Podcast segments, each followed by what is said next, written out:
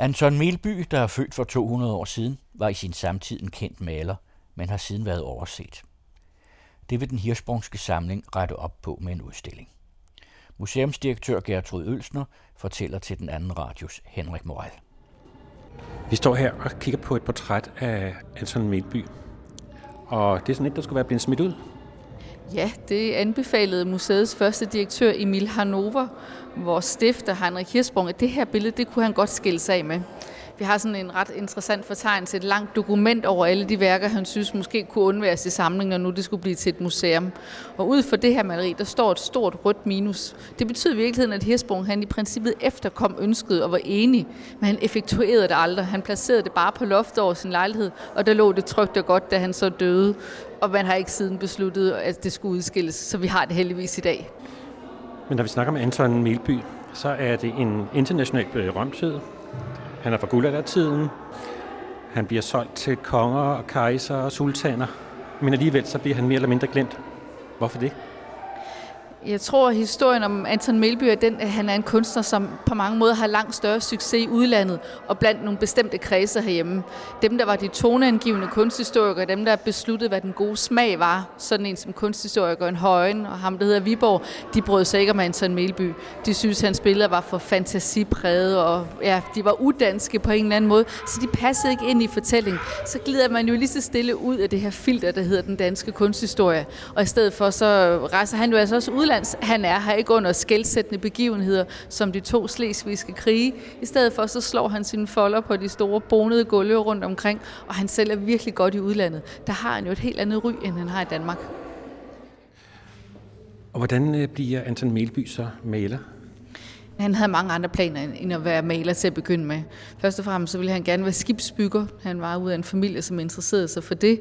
Og han tager også noget uddannelsen, men vælger at springe fra. Men det er jo nok det, at han har fattet interessen for det her med skibe, forestiller jeg mig.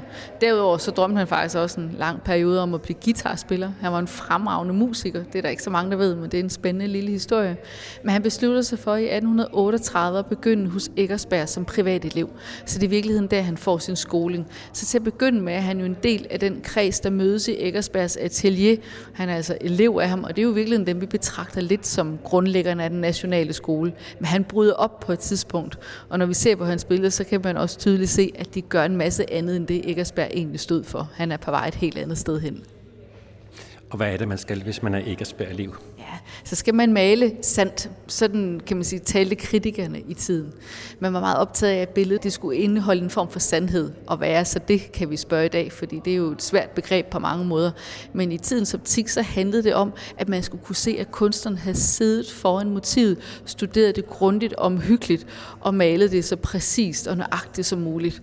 Anselm Melby, han kunne godt lide at tilføje en dosis fantasi og en dosis drama. Det var ikke helt det, man lærte i Eggersberg skole. Og man følger også nogle gode matematiske principper. Ja, absolut. Og han er jo en dygtig konstruktør. Jeg har talt med rigtig mange, som ved vældig meget om skibe, og de er alle sammen meget imponeret over, hvor præcis og omhyggeligt de faktisk er. Så han tager jo også nogle grundlæggende ting, han selvfølgelig har lært hos Eggersberg, og sikkert også på sin skibsbyggeruddannelse med sig, og lægger ind, men han tilføjer et andet lag også. Milby spiller meget anderledes end Eggersbergs. Det kan man jo få vidst om her på udstillingen, hvor vi valgt også at tage en af Eggersbergs mariner med. Så kan man jo ved selvsyn se, hvordan de to adskiller sig fra hinanden. Der var også noget familiært i forhold til øh, at male. Ja, det lå jo, om man så må sige, til familien langt hen ad vejen. Hans to brødre, Fritz og Wilhelm Melby, får jo næsten lige så imponerende, hvis ikke mere, end Anton Melby. Fritz han rejser jo langt væk. Han rejser rundt over i Sydamerika og mange andre steder for forbindelse til flere af de franske impressionister. Og Wilhelm Milby han opholder sig primært i England, hvorfra han også rejser ud i den store verden. Han kommer til Kina og andre spændende steder. Så de bliver marinemalere, og begge to er faktisk også oplært af Anton Milby. Så hvis vi engang imellem synes, de ligner hinanden lidt, så er der nok en god grund til det. Her er så nogle af de tidlige værker fra Milby, der har skibsmotiver, det her er jo nogle motiver, som er nogle af de allertidligste, vi har med. Det er kort tid efter, han har uddannet sig hos Eggersberg. De er fra 1840, flere af de her. Og de viser jo også meget godt, at den her lære, som han fik hos Eggersberg, den ikke har været helt forgæves. Især den her fine tegning herovre med skibet, synes jeg er spændende. Der er en masse konstruktive linjer, og en masse sådan rette og meget sådan præcis og omhyggelig redegørelse for alt, fra master og rækker og alt, hvad der ellers knytter sig til et skib, det er helt præcist og detaljeret indfanget. Og det var i hvert fald noget, han kunne lære Eggersberg. Og det er så tegnet på den rigtige måde i forhold til det, hvad man skulle? Ja, det må man nok sige. Det er præcist. Vi er ikke i tvivl om, at han faktisk har stået foran det her motiv og kigget på. Det tror jeg heller ikke, kritikerne var i tvivl om på det her tidspunkt.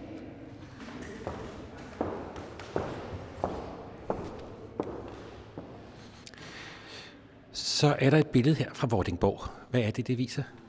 Det er jo igen et havnemotiv, men med lidt mindre fokus måske på skibene, selvom der er tre af dem her, så er det også et motiv, som langt hen ad vejen er mere sådan stemningsbetonet. Det er det, som har interesseret kunstneren, mere end måske den meget omhyggelige redegørelse for de enkelte detaljer, selvom det som er præcist nok. Det er et motiv, som jo viser noget havn havnen ved Vordingborg. Vordingborg var på det her tidspunkt jo ikke helt uinteressant i sådan en national henseende. Man havde gåsetårnet dernede, som jo kom til at fylde meget som sådan et nationalt symbol i tiden. Det har han behendigt valgt at se bort fra. I stedet for kigger vi ud over vandet. Og det er jo en aftenstemning, hvor vi også kan lægge mærke til, at der er nogle meget sådan rødmende, glødende farver. Det er blikstille. Havet og, og himlen spejler sig i hinanden. Og det er meget stemningspræget. Det er et motiv, som Heinrich Kirchsprung han erhverver i 1894. Det tror jeg ikke er helt uden betydning. Fordi på det tidspunkt, så er den danske symbolisme jo braget igennem herhjemme, den her stemningsborgende kunst. Og jeg tror, det er de briller, han har kigget på det her billede med og tænkt, det var et spændende motiv. Og jeg tror, i tidens optik, da det blev udstillet i 1841, da det blev malet, så tror jeg, man opfattede det som langt mere tysk end dansk i virkeligheden. Det handler rigtig meget om farvetoning, om det her sådan helt tyste og skibende, som man jo nok kender fra en tysk tradition, og især fra en maler som Caspar David Friedrich. Og det skulle være malet tidligere på dagen, hvis det skulle være rigtig dansk. Mange af de her kunstnere foretrækker jo dagslys. Det er ikke helt sandt. Vi har jo selvfølgelig også aftenmotiver. Vi har dem faktisk også af Eggersberg. Men hovedparten er jo dagslysmotiver. Og derved der adskiller det her så lidt. Det er jo skumringstimen, vi er på vej hen imod i stedet for. Og det er ikke dem, vi har flest af i den danske guldalder. Du talte tidligere om, at der var en modstand. Men øh, hvis vi ser på kongehuset, så blev han solgt. Ja, de køber en del af hans værker. Man kan næsten tale om, at de er mæscener for ham i en periode, men erhverver i hvert fald flere værker. Nogle af dem blev ikke bare været til privat brug, men blev videregivet til nationens billedsamling, den kongelige billedgalleri. Og derinde der residerede jo den her kunsthistoriker N.L. Højen, som har utrolig stor indflydelse i tiden. Han var udpeget som ledende inspektør sammen med en anden, så det var deres ansvar i virkeligheden at erhverve værker. Men det var ikke altid, de selv fik lov at bestemme. Nogle gange så fik de altså også at vide, at kongen havde købt nogle værker, som de så skulle optage i samlingerne. Og når man kigger i protokollerne på Statens Museum for Kunst og ser, hvad der står der, så kan man blandt andet lægge mærke til, at ud for sådan et værk som det her, der står, at det er modtaget på trods. Ja, det var altså ikke højens ønske, men det var kongens. Og det var ellers et fint motiv. Det er et motiv for et af hans første rejser, hvor han er taget til Nordsøen. Vi er helt op ved Orkneyøerne, så vi er langt op mod nord. Og her kan man jo se det dramatiske, det her sådan drama-element. Og det er jo bølgerne og det er himlen, der interesserer skibets færd imellem de her sådan udfordrede elementer, at det som har haft hans interesse. Men det synes Højen egentlig ikke, det var noget, han behøvede at være om. Men det gjorde kongen, og det er jo meget godt, for så er det der i dag. I det hele taget så er marinemalerier, det er ikke rigtig populært. Det er jo sådan en sjov genre, ikke? fordi at den var enormt betydningsfuld i sin egen samtid. Der var det fint og spændende at være marinemaler. Man kunne også være dyremaler, blomstermaler. Man kunne være specialiseret på alle mulige måder. Marinemalerier marinemaleri er virkelig bare en betegnelse for, at der er nogle kunstnere, der har en speciel interesse for en bestemt type motiver. Men man kan jo også se på dem som malerier og sige, at det er også andet end, end skibe og både. Det er også hav, og det er stemninger, det er atmosfære, en masse andre vigtige ting. Men det er rigtigt nok i dag, der synes vi måske, det er lidt, lidt noget sjovt noget med det der marinemaleri. Men der er jo så også noget nationalt i forhold til marinemalerier. Ja, altså det er i hvert fald det, der er spændende i forhold til Anton Melby, det er, at han jo ikke dyrkede den nationale motivkreds inden for marinemaleriet. Han var jo vidt berejst, og når han malede marinemotiver, så kunne de være fra Vordingborg, de kunne også være fra Orkneyerne, eller de kunne være fra England, eller alle mulige andre steder. Han var ikke på den måde knyttet, eller følte sig knyttet til kun at skulle skildre nogle danske motiver. Han rejste rundt, og det var i virkeligheden med til at, at sige, kompromittere ham en lille bitte smule. Han ikke på den måde skildrede det danske. Han var optaget alt muligt andet var det jo at man rejste til sådan nogle steder som til Orkneyøerne. Altså selvfølgelig rejste man til Paris og til Rom, men øh, det er sådan et andet sted. Det var ikke lige frem det mest klassiske rejsemål i tiden, tror jeg, roligt vi kan sige. På det tidspunkt har han haft lejlighed til at rejse afsted med den danske flåde, så det har jo nok også været en, en vis grad bestemmende for, hvor man rejser hen. Men hvis kunstnerne selv planlagde ruten, så gik den nok sjældent til Orkneyøerne, tror jeg. Nok snart til Rom, og så selvfølgelig Paris, som begynder lige så stille at gøre sig gældende som en destination, man skal til på det her tidspunkt. For uden de nationale forhold, så kunne man måske også øh, sige, at øh, der kunne være nogle hindringer i, hvad det var for nogle motiver, han valgte, når han malede marinemalerier. Ja, altså øh, han gjorde det, at han malede så at sige det, han så. Han tilføjede selvfølgelig også en hel masse, men han havde egentlig en særlig forkærlighed, også for at skildre de teknologiske landvindinger, som gjorde sig gældende inden for skibsfart. Og det motiv, vi står og kigger på her, er et rigtig godt eksempel på, hvordan at han også er optaget af ikke bare de klassiske sejlskibe, som vi ser hos Eggersberg og hans skole i høj grad, men også moderne dammskibe. Og det er sågar et, som udspyrer sådan meget kraftig sort røg. Det var der ikke noget kønt i på nogen måde, og rigtig mange kunstnere fra den nationale skole, de fravælger den her slags motiver. Hvis vi kigger på Skovgård, hans motiver nede for Møns Klint, som jo også skildrer havet, så er dammskibet sådan en lille bitte prik langt ude på horisonten. Det er aldrig hovedmotivet, som det er her, for det kommer bravende op imod vinden. Det viser jo også om kan man sige, to forskellige måder, man kan arbejde med de forhold, der gør sig gældende på. Sejlskibet er jo nødt til at følge de naturlige forhold. Damskibet, det kan modstå og gøre noget andet. Så der er altså også et møde mellem forskellige verdener her, som han var meget optaget af. Vi var før over ved noget aftenstemning og nu er vi endnu senere. Ja, nu er vi jo nået frem til midt på natten. Det er jo sådan et rigtig måneskinsmotiv. Vi får lige en fornemmelse af månen. Skyerne, de skiller sig lige fra hinanden i et enkelt punkt. Og ellers er det himlen jo overtrukket med kraftige, mørke skyer. Man fornemmer, at der er regn, storm undervejs. Og motivet her, det hedder også juledamper i stormfuld fuldmånenat. Så kan det næsten ikke blive mere dramatisk og fjern fra, hvad vi ellers kender fra den øvrige danske guldalder. Det er et motiv, hvor vi i første omgang måske også ud over himlen lægger mest mærke til bølgerne, som tårner sig op foran os. De står virkelig op i motivet. Og så når man har kigget lidt på det, så opdager man altså også, at der er et skib ude bagved. Igen et dammskib, som kæmper på det her sådan oprørte hav. Og der er ikke meget land i sigt, som på nogen måde kan tilbyde en eller anden form for snarlig redning for den situation, de måske er på vej ind i. Derudover synes jeg, at motivet er helt fantastisk i den måde, det er malet på. Det er simpelthen så moderne, når man tænker på, at det er malet i 1848. De der bølger der, som er sådan helt laserende, næsten sådan akvarelagtige, er meget fantastiske og næsten helt abstrakte i karakter. Så han kan virkelig nogle, nogle spændende ting, og sådan helt malerisk, som jeg synes er, er interessant at kigge på. Asger Jorn, ja han bliver også interesseret i ham. Ja, det gør han nemlig. Han er meget optaget af ham og anskuer ham faktisk som en forløber for abstraktionen i billedkunsten. Han skriver om ham ved flere lejligheder, blandt andet i Nordens æstetik, og han indkøber flere af hans skitsebøger. Og derfor, da vi begyndte at researche til udstillingen her, for at finde ud af, hvad er der egentlig i Danmark, hvad kan vi finde ud af, når hvis vi skal låne nogle værker fra dansk side, så fandt vi ud af, at de største samlinger, de var blandt andet på Torvaldsens Museum og på Museum Jorden. Og det var jo lidt interessant. Jeg tror også, at sidstnævnte havde vi ikke regnet med, at ville falde ud på den måde. Men det skyldes jo selvfølgelig, at Asger Jorn, han synes, at han var enormt interessant, og han kunne se noget i den måde, han malede skyer på og bølger, at der ligesom lå nogle, kan man sige, nogle kim eller nogle forstadier til det, han selv arbejdede med. Og derfor har vi altså også valgt at tage nogle af de skitsebøger med, og nogle enkelte Asger malerier, som man selv kan se, og man også kan få øje på sammenhængen. Og Torvaldsens Museum, det var heller ikke tilfældigt. Nej, Torvaldsen støtter jo mange danske billedkunstnere på det tidspunkt, også udlandske. Men han har jo haft en, en nær forbindelse, tror jeg, til Anson Milby. De var jo begge to europæiske berømtheder, og jo rejste ud og gjorde karriere uden for landets grænser. Så på den måde har de selvfølgelig haft nogle fælles træk og nogle fælles vilkår. Og så han har set, at der var et spændende talent her, så han køber både malerier, men han er altså også meget optaget af, af tegninger.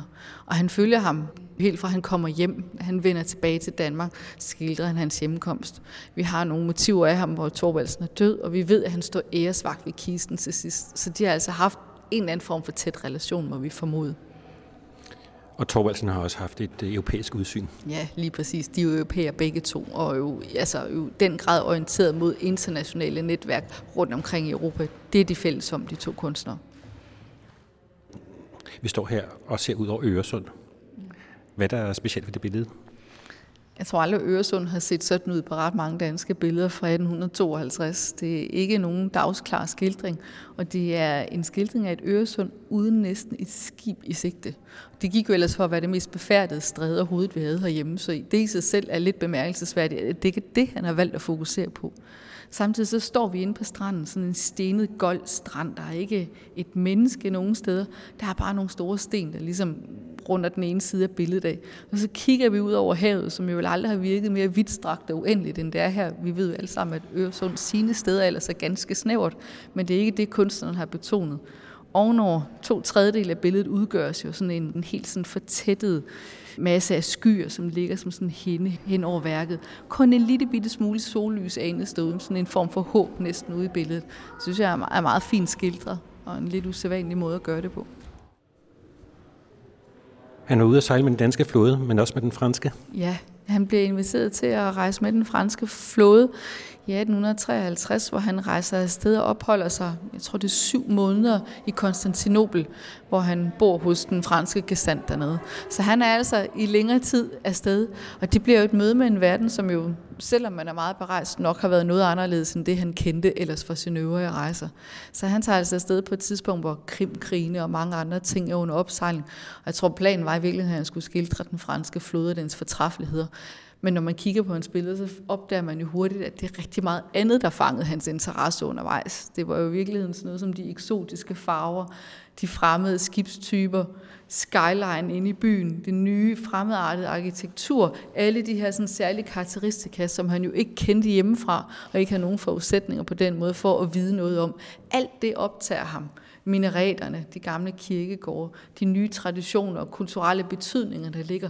Alle de her ting fanger han ind. Altså det er jo en helt ny billedverden, tror jeg, der åbner sig for ham der, og som man jo for alvor opdager. Og man kan også se, hvis man kigger på kortet over, hvor han er rejst hen, så bliver han jo ikke i Konstantinopel. Han rejser også rundt og opdager landet, så vidt han nu kunne. Så han kommer faktisk ganske vidt omkring og ud at se en hel del. Så han benytter sig altså af, at han er afsted. Der bliver så også en lokal interesse for hans billede. Ja, det gjorde det. Han selv er jo ganske godt til sultanerne, så de køber også af hans værker, og kejser Napoleon, da han kommer hjem, erhverver altså også nogle af værkerne. Så han får også noget ud af det på den måde. Det er salgbart, de her motiver, slet og ret. Der er simpelthen et marked for det her. Det er jo på et tidspunkt, hvor man også er meget optaget af det fremmedartede. Vi har jo nogle danske kunstnere, der har været så langt væk før. Det var jo Martinus Rørby, han var også afsted. Hos Andersen rejser også på de her kanter. Så han er ikke den første, men han skildrer alligevel nogle, nogle lidt andre ting og nogle lidt andre motiver, som der altså var bud efter, og som han kunne sælge til de øverste kredse rundt omkring. Men når man skulle øh, være en sælgende kunstner, så mente man ikke bare billeder og håbe på at blive opdaget. Han gjorde også en indsats selv. Ja, det gjorde han. Han var jo smart på mange måder og, og benyttede sig af den nyeste teknologi. Så han gjorde det, han faktisk fik fremstillet litografier og fotografier af flere af sine værker. Dem sender han i distribution det er jo rigtig godt set, og øvrigt også af sig selv, så man vidste, hvem han var nogle gange med nogle af hans værker. Så han får altså, kan man så at sige, masse fremstillet dem og sender dem afsted. Og det var altså også en måde at øge kendskabet til hans kunst på. På den måde så havde han jo en dyb indsigt i, hvad den nye moderne teknologi i tiden, den kan gøre for ham og hans billedkunst, og hvad den kan gøre for hans karriere. Og han udnytter det strategisk, må man sige, at det lykkedes jo meget godt, for han selv er jo ganske fint undervejs. Så han har styr på teknologien, han har også styr på marketing? det synlædende, ikke? Han kan et par små ting i hvert fald. Han benytter sig af de muligheder, som tiden den giver ham. Jeg oplever ikke, at han er bange for at kaste sig ud i nogle af de der ting. Det synes jeg virkelig er interessant. Han er også en kunstner, som jo tager det store spring, bosætter sig det meste af sit liv uden for Danmarks grænser. Og på mange måder så går han jo efter den store drøm og realiserer den. Og han benytter sig af de muligheder, der er, og trækker de netværk. Han er meget netværksorienteret kunstner, vil vi jo nok sige i dag. Det var han altså også på det her tidspunkt. Den her teknologiinteresse, Ser man den andre steder, for eksempel med fabrikker og den slags? Jeg ved ikke, hvor mange fabrikker der decideret er, men vi ser den i sådan noget som daguerreotypier. Han tager jo til Paris, han forlader Danmark i 1847, det er jo lige før første slesvigske krig. Og han vender jo ikke tilbage lige forløbig. Han tager til Hamburg en lille tur først, og så rejser han ellers til Paris, hvor han bor i 10 år. Og i Paris, der kom han blandt andet i lære ved Daguerre, altså opfinderen af daguerreotypiet, den tidlige forløber for fotografiet. Og da han ankommer til Paris, så lander han jo stort set midt i februarrevolutionen 1848, og det fanger han faktisk ind på nogle af de første daguerreotypier, som han eksperimenterer med dernede, og dem har vi med på udstillingen. Vi står for nogle fremkaldelser af nogle af de geotopier som han optog i Paris. Det her panseren, bygningen, og foran der ser vi altså revolutionstropperne, som er legnet op her. Han er sådan en form for næsten kan man sige, rapportør, en form for fotojournalist i tiden, som fanger nogle af de sådan helt centrale begivenheder ind. Og det er jo et, et spændende vidnesbyrd om, at han jo lander ned i nogle store europæiske revolutioner, som jo også senere får efterdønninger og stor betydning for, hvad der sker i Danmark og rundt omkring i Europa.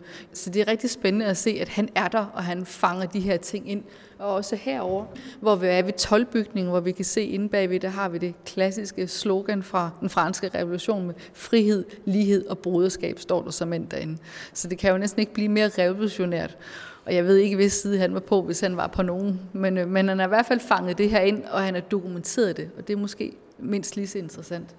Så står der også nogle geotopier her, som jo ikke er fremkaldt, men som er de her glasplader. Så man skal sådan bevæge sig lidt for at se dem, fordi de flimmer jo lidt i lyset alt efter, hvordan det falder.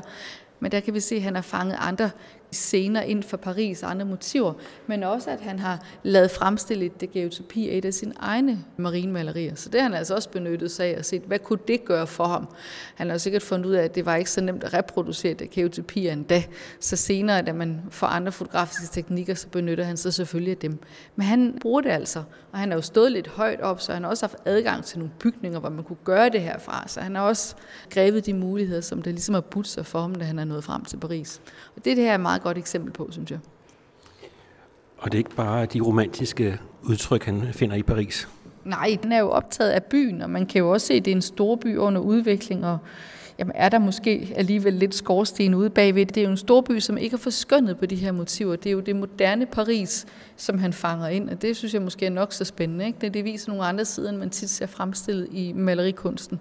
Så der kan fanger måske lidt mere det hele, det der var der. Der er ikke sorteret helt så meget fra. Selvfølgelig er der noget med blikvinkler og blindetid og alt det der. Men alligevel så er det jo et reportagefremstilling af, hvordan Paris tog sig ud på det her tidspunkt. Og billedkunstnere, det var nogle af dem, som gik over og lavede fotografier. Ja, de var meget optaget af det. Man taler jo ofte om, at der er en sammenhæng imellem 1800-tallets tidlige billedkunst og fotografiet.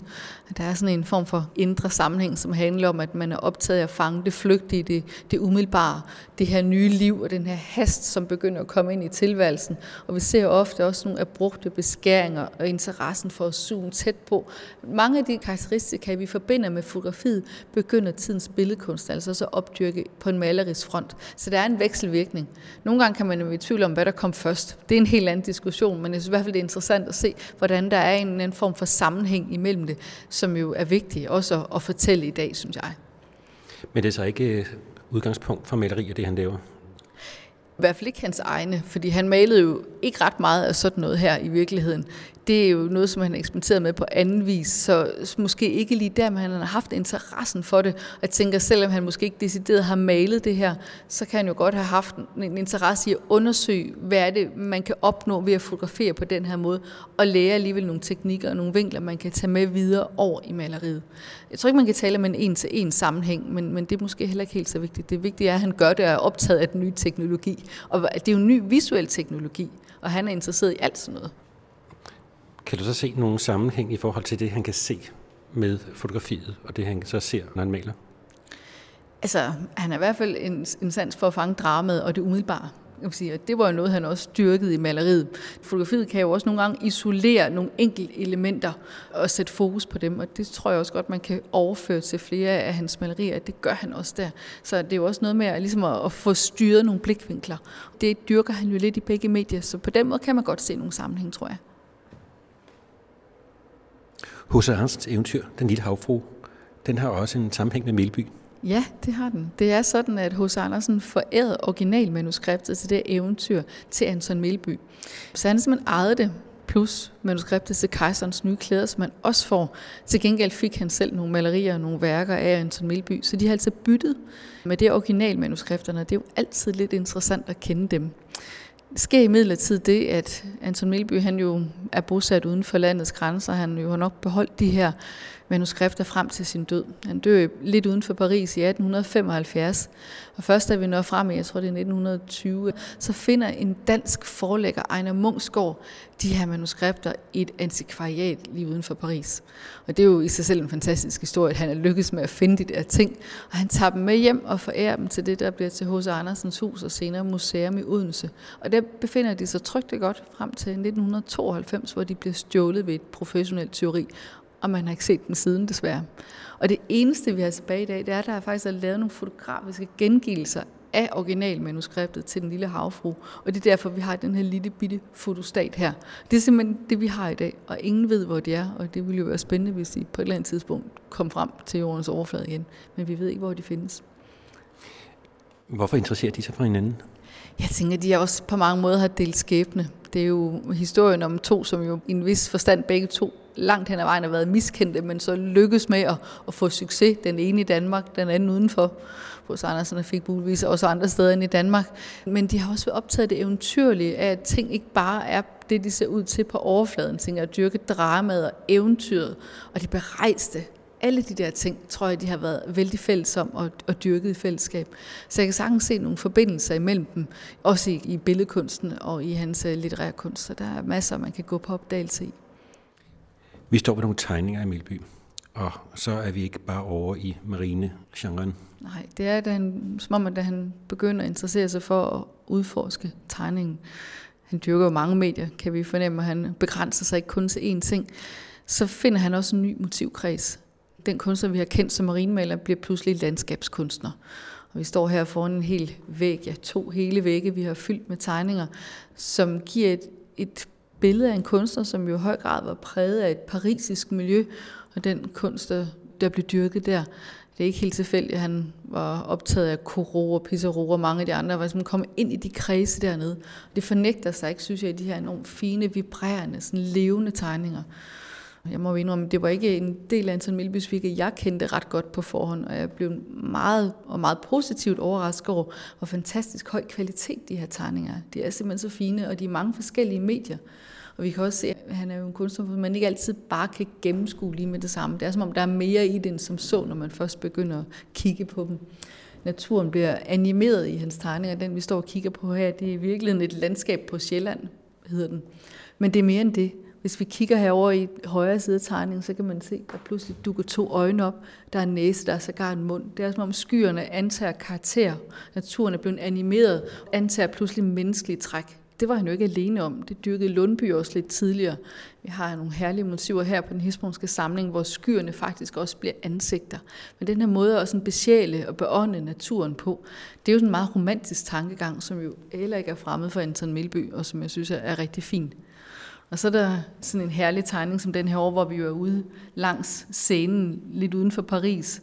Og den er jo simpelthen så fransk og fin med de her sådan høje popler. Der er sådan noget Pariser stemning over den, synes jeg så fransk kunst. Og han er tydeligvis jo også kigget og brugt sine øjne og lavet sig inspirere af det miljø, som han blev en del af, da han rejser ud af Danmark og, og blev indoptaget i et internationalt kunstnermiljø. Og han udstiller også på udstillinger rundt omkring. Ja, det gør han. Efter han tager til Paris, så udstiller han jo stort set alle årene på salonen, så han altså, klarer sig jo også meget godt. Det var jo der, man udstillede. Det var en af de vigtige udstillinger. Han får også sin første separat udstilling uden for Danmarks grænser. Det her er jo faktisk den første udstilling med Anton Melby i Danmark. Men da han får sin første soloudstilling, så er det i udlandet, og det er faktisk hans tegninger, som er det første, der bliver samlet på en udstilling, en retrospektiv udstilling. Mere end 300 tegninger bliver der vist i, jeg tror det er 1972 i Hamburg. Hvad er du selv kendt til Melby? Sådan for eksempel, da du blev uddannet? Det er jo ikke en kunst, som vi har hørt meget om, men i hele taget hører man jo ikke meget om dansk kunst, må jeg skynde mig at sige. Så vi ikke lige har hørt om Melby, det skyldes måske næppe Melby sig selv, men snarere, at dansk kunst fylder ikke ret meget i sådan en universitetsuddannelse. Men selvfølgelig så læser man kunsthistorie, og man studerer selv på egen hånd og støder over ham, og når man rejser rundt og besøger de danske museer, så at man er til at se et enkelt Melby-maleri rundt omkring. Men det er ikke det, der fylder mest. Han er ikke meget fremme på de danske kunstmuseer. Og der tror jeg, at den her sådan højens kanonisering af den danske guldalder-tradition, den har simpelthen haft en, en langtidsvirkning, som rækker ud over højens egen tid, men har haft en virkning, der griber helt frem til vores egen tid. De kunstnere, som N.L. Højen han udpegede som det vigtige, det er også dem, vi i dag mere eller mindre synes er de centrale. Og han brød sig ikke om Anton Melby, ergo er det ikke en kunstner, som vi på den måde ser ret meget til. Og så er det jo også, når man ikke bliver købt af de danske kunstmuseer i sin egen tid, blevet det lidt siden måske, men så bliver man heller ikke en del af den sådan fælles kulturarv. Og så er der desværre også en tendens til, at, at man kan gå en lille bit smule i glemmebogen. Og vores første direktør her, Emil Hanover, han gjorde jo også sit for det. I årene lige efter 1900, så skrev han jo om, at der var to fronter i dansk kunst. Der var de nationale, det var Eggersbergskolen, og så var der europæerne, dem tilhører Anton Milby. Og han var ikke i tvivl om, hvem der var de gode af dem. Så på den måde var han altså også med til at cementere nogle idéer om, hvad den gode danske kunst den bestod af. Så der er jo sådan forskellige faktorer, der spiller ind. Men det, det sker jo nogle gange, det hvis man ikke er en del af kunstmuseerne, man ikke bliver skrevet om i kunsthistorien, så er det jo lidt noget, der medvirker til at lægge en lige så stille ned i en glemmebog. Og vi håber, at udstillingen her kan være med til at vise, at det er ikke helt fortjent. Det er faktisk en spændende kunstner, som er meget mere sådan facetteret i sit virke og internationalt orienteret og spændende, altså, altså kvalitetsbetonet også. Det må jeg jo understrege først og fremmest. Det, han fortjener ikke helt det ry, som han har fået i eftertiden, og det håber vi selvfølgelig, at udstillingen her kan være med til at ændre lidt på det syn. Og de holdninger, der har været til ham, det har også været nogle politiske. Ja, altså det er jo sådan, at han var jo ikke en del af det, som de nationalliberale brød sig om. Og selvom man kan mene meget om dansk politik i 1864 og på det tidspunkt, så er det nogle bestemte idéer om, hvad der var dansk, som der ligesom blev født ud af det her politiske miljø. Og der passede Anton Melby simpelthen ikke ind. Så han passede ikke med de sådan førende politiske visioner og idéer. De handlede om noget andet, og han havde en anden dagsorden for sit virke. Når vi snakker om øh, erhvervelser, så synes det, der være sådan en modsætning mellem adel og kongehus, og så på den anden side borgerskabet. Ja, det er som om, at i hvert fald delvis de har nogle lidt forskellige sådan interesser rent kunstnerisk set. Adelen og kongehuset har faktisk en lidt større interesse for nogle af de her europæere end resten af dem, der også købte kunst på det her tidspunkt. Man kan spørge sig selv om, hvorfor. Jeg tror ikke, jeg har noget entydigt svar på det, men man kan i hvert fald sige, at sådan noget som kongehuset og adelen, det er jo ud af nogle vidt forgrenede europæiske netværk, de opstår. Så jeg tænker, at det måske på den måde også kan være med til at forklare, hvorfor man også har dyrket nogle andre sider af den danske kunst. Fordi man havde jo et andet sådan forbindelsesled ud i et europæisk landskab, end man måske havde som, som borger ellers. Kan der også være en modsætning til øh, de nationalliberale? Det kan jo også meget vel være. De dyrkede jo det meget sådan dansk nationale. Det handlede jo om, at malerne skulle være med til at fremme et bestemt billede af, hvad Danmark var. Male motiver for Danmark, gerne fra de fjerne og uspolerede egne af Danmark, men dog stadigvæk Danmark. Så det kan nok hende. Jeg tror, der er mange danske kunstmuseer, som har for eksempel 1800-tallets kunst, som burde lave nogle redefinitioner af, hvad der er vigtigt? Ja, men jeg vil så også sige, at det sker allerede heldigvis. Udstillingen her er jo et led i sådan en, en form for revision eller nytænkning af 1800-tallet. Hvis vi kigger rundt til vores kolleger, kan man jo se, at det, det sker også derude heldigvis. Så vi er jo ikke alene om det her. Det er jo ikke lang tid siden, der var en spændende udstilling om Fritz Melby ude på Ordrup Gård, og hvis vi kigger over til vores kolleger på den anden side af parken, er de jo også begyndt at sætte fokus på nogle af de her sådan mere marginaliserede kunstnere. Så det sker heldigvis, og vi begynder også at gentænke det en lille bitte smule. For hvis vi kigger tilbage på kunsthistorien og ser, jamen, hvad blev egentlig udstillet i 1800-tallet, så er der jo et hav af kunstnere. I Weilbach for eksempel, den første udgave af Weilbach, der tror jeg, der er mere end 400 kunstnere der, som er opført i den. Hvis vi tænker over, hvor mange af dem vi kender i dag, så er det en forsvindende lille gruppe. Så der er jo et stort ocean af kunstnere, vi kunne genopdage det er ikke sikkert, at de alle sammen fortjener det, men nogle af dem gør måske nok. Og jeg synes, vi skylder os selv også at se og fortælle, at der er andre historier i 1800-tallet end dem, vi kender. Der er også nogle kunstnere, som satte på det internationale, som var kosmopolitiske, som dyrkede nogle andre netværk, som havde andre forbindelser, som holdt af det patosfyldte og det dramatiske, så vi også har mulighed for at spejle sig nogle andre sider af den danske 1800-tals kunst, end det vi først og fremmest kender. Og vi holder stadigvæk meget den nationale skole på den hirsbrunske samling, skal jeg skynde mig at sige. Vi har den rigtig meget. Men heldigvis så havde vi jo en grundlægger, som også havde blik for nogle af de andre mere skæve eksistenser, dem vi kalder europæerne. Og jeg synes jo, det er lidt spændende at grave nogle af dem frem og sætte spotlys på nogle af dem også. Udsendelsen var tilrettelagt af Henrik Moral og er en del af serien Museer skaber viden.